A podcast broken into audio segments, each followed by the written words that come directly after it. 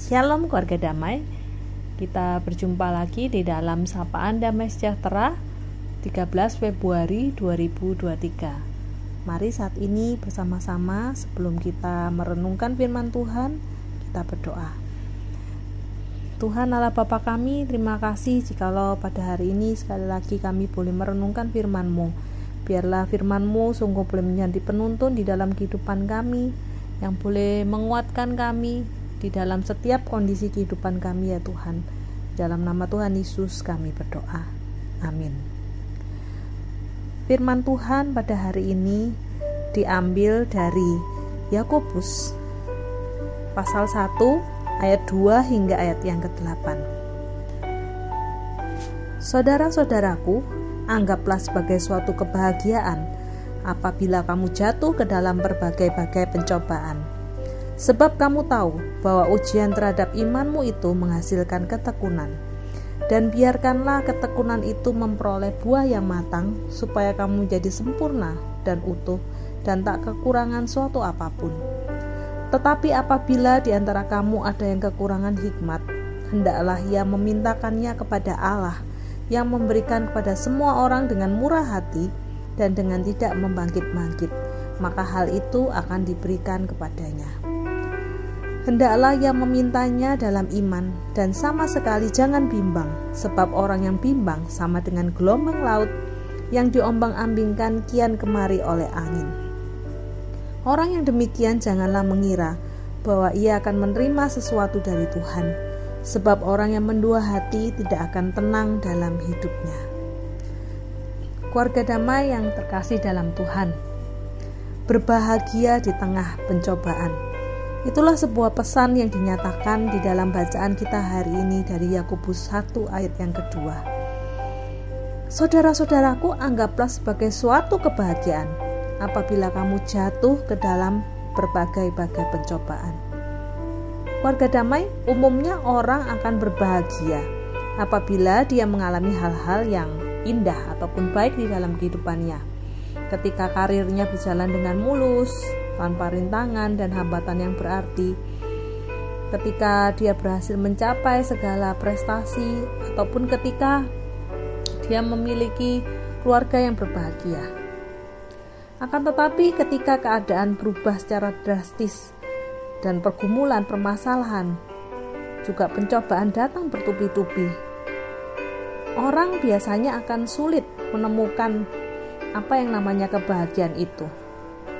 Ketika pencobaan datang, umumnya seseorang akan cenderung tidak bisa menerima keadaan yang ada, sehingga responnya pun terhadap pencobaan tersebut lebih mengarah kepada hal-hal yang negatif. Dia menjadi marah, kecewa, murung, bersedih, patah hati, putus asa, tersinggung, maupun juga memberontak. Sungguh aneh jikalau firman Tuhan hari ini menyatakan bahwa ketika dihadapkan pada berbagai pencobaan, kita anak-anak Tuhan seharusnya menganggapnya sebagai suatu kebahagiaan. Itu artinya adalah firman Tuhan ingin mengajar kepada kita bahwa di tengah kondisi yang demikian pun di dalam pencobaan, kita seharusnya tetap bisa mengucap syukur.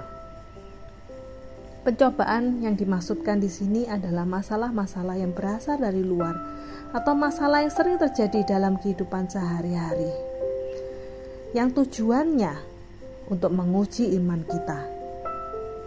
Karena itulah seharusnya kita bisa menyikapinya dengan sikap hati yang benar. Karena justru melalui pencobaan yang ada, kadar iman dan kesungguhan kita di dalam mengikut Tuhan sedang diuji dan ditempa keluarga damai untuk menjadi orang-orang Kristen yang semakin berkualitas dan berkarakter. Di dalam ayat yang ketiga berkata, "Sebab kamu tahu bahwa ujian terhadap imanmu itu menghasilkan ketekunan." Sehingga pada akhirnya kita orang-orang yang mengalami pencobaan itu dan ketika iman kita sudah mengalami ujian dan kita menghasilkan ketekunan, kita tetap setia, kita bertekun, maka kita akan dapat menjadi seperti Ayub yang berkata, "Karena ia tahu jalan hidupku, seandainya ia menguji aku, aku akan timbul seperti emas." Ayub 23 ayat yang ke-10. Keluarga damai di balik pencobaan-pencobaan yang dialami Ayub ada maksud dan tujuan Tuhan yang indah. Karena itu, seandainya kita diizinkan mengalami berbagai-bagai pencobaan, jangan langsung berpikir bahwa Tuhan kita itu jahat dan Dia tidak mengasihi atau tidak mempedulikan kita. Akan tetapi, marilah kita memandang bahwa di balik semua itu, kita percaya Tuhan pun sanggup mengubahkannya menjadi sebuah kebaikan di dalam kehidupan kita. Karena itu, sebagai anak-anak Tuhan adalah sangat mungkin agar kita tetap berbahagia, sekalipun situasi-situasi yang ada tidak mendukung. Untuk kita memahami maksud dan rencana Tuhan, berbahagia tanpa disertai ketakutan dan kekhawatiran, sekalipun pencobaan menghadang di dalam kehidupan kita. Mungkinkah berbahagia di tengah pencobaan? Sangat mungkin, karena tidak ada perkara yang mustahil bagi orang percaya di dalam Tuhan.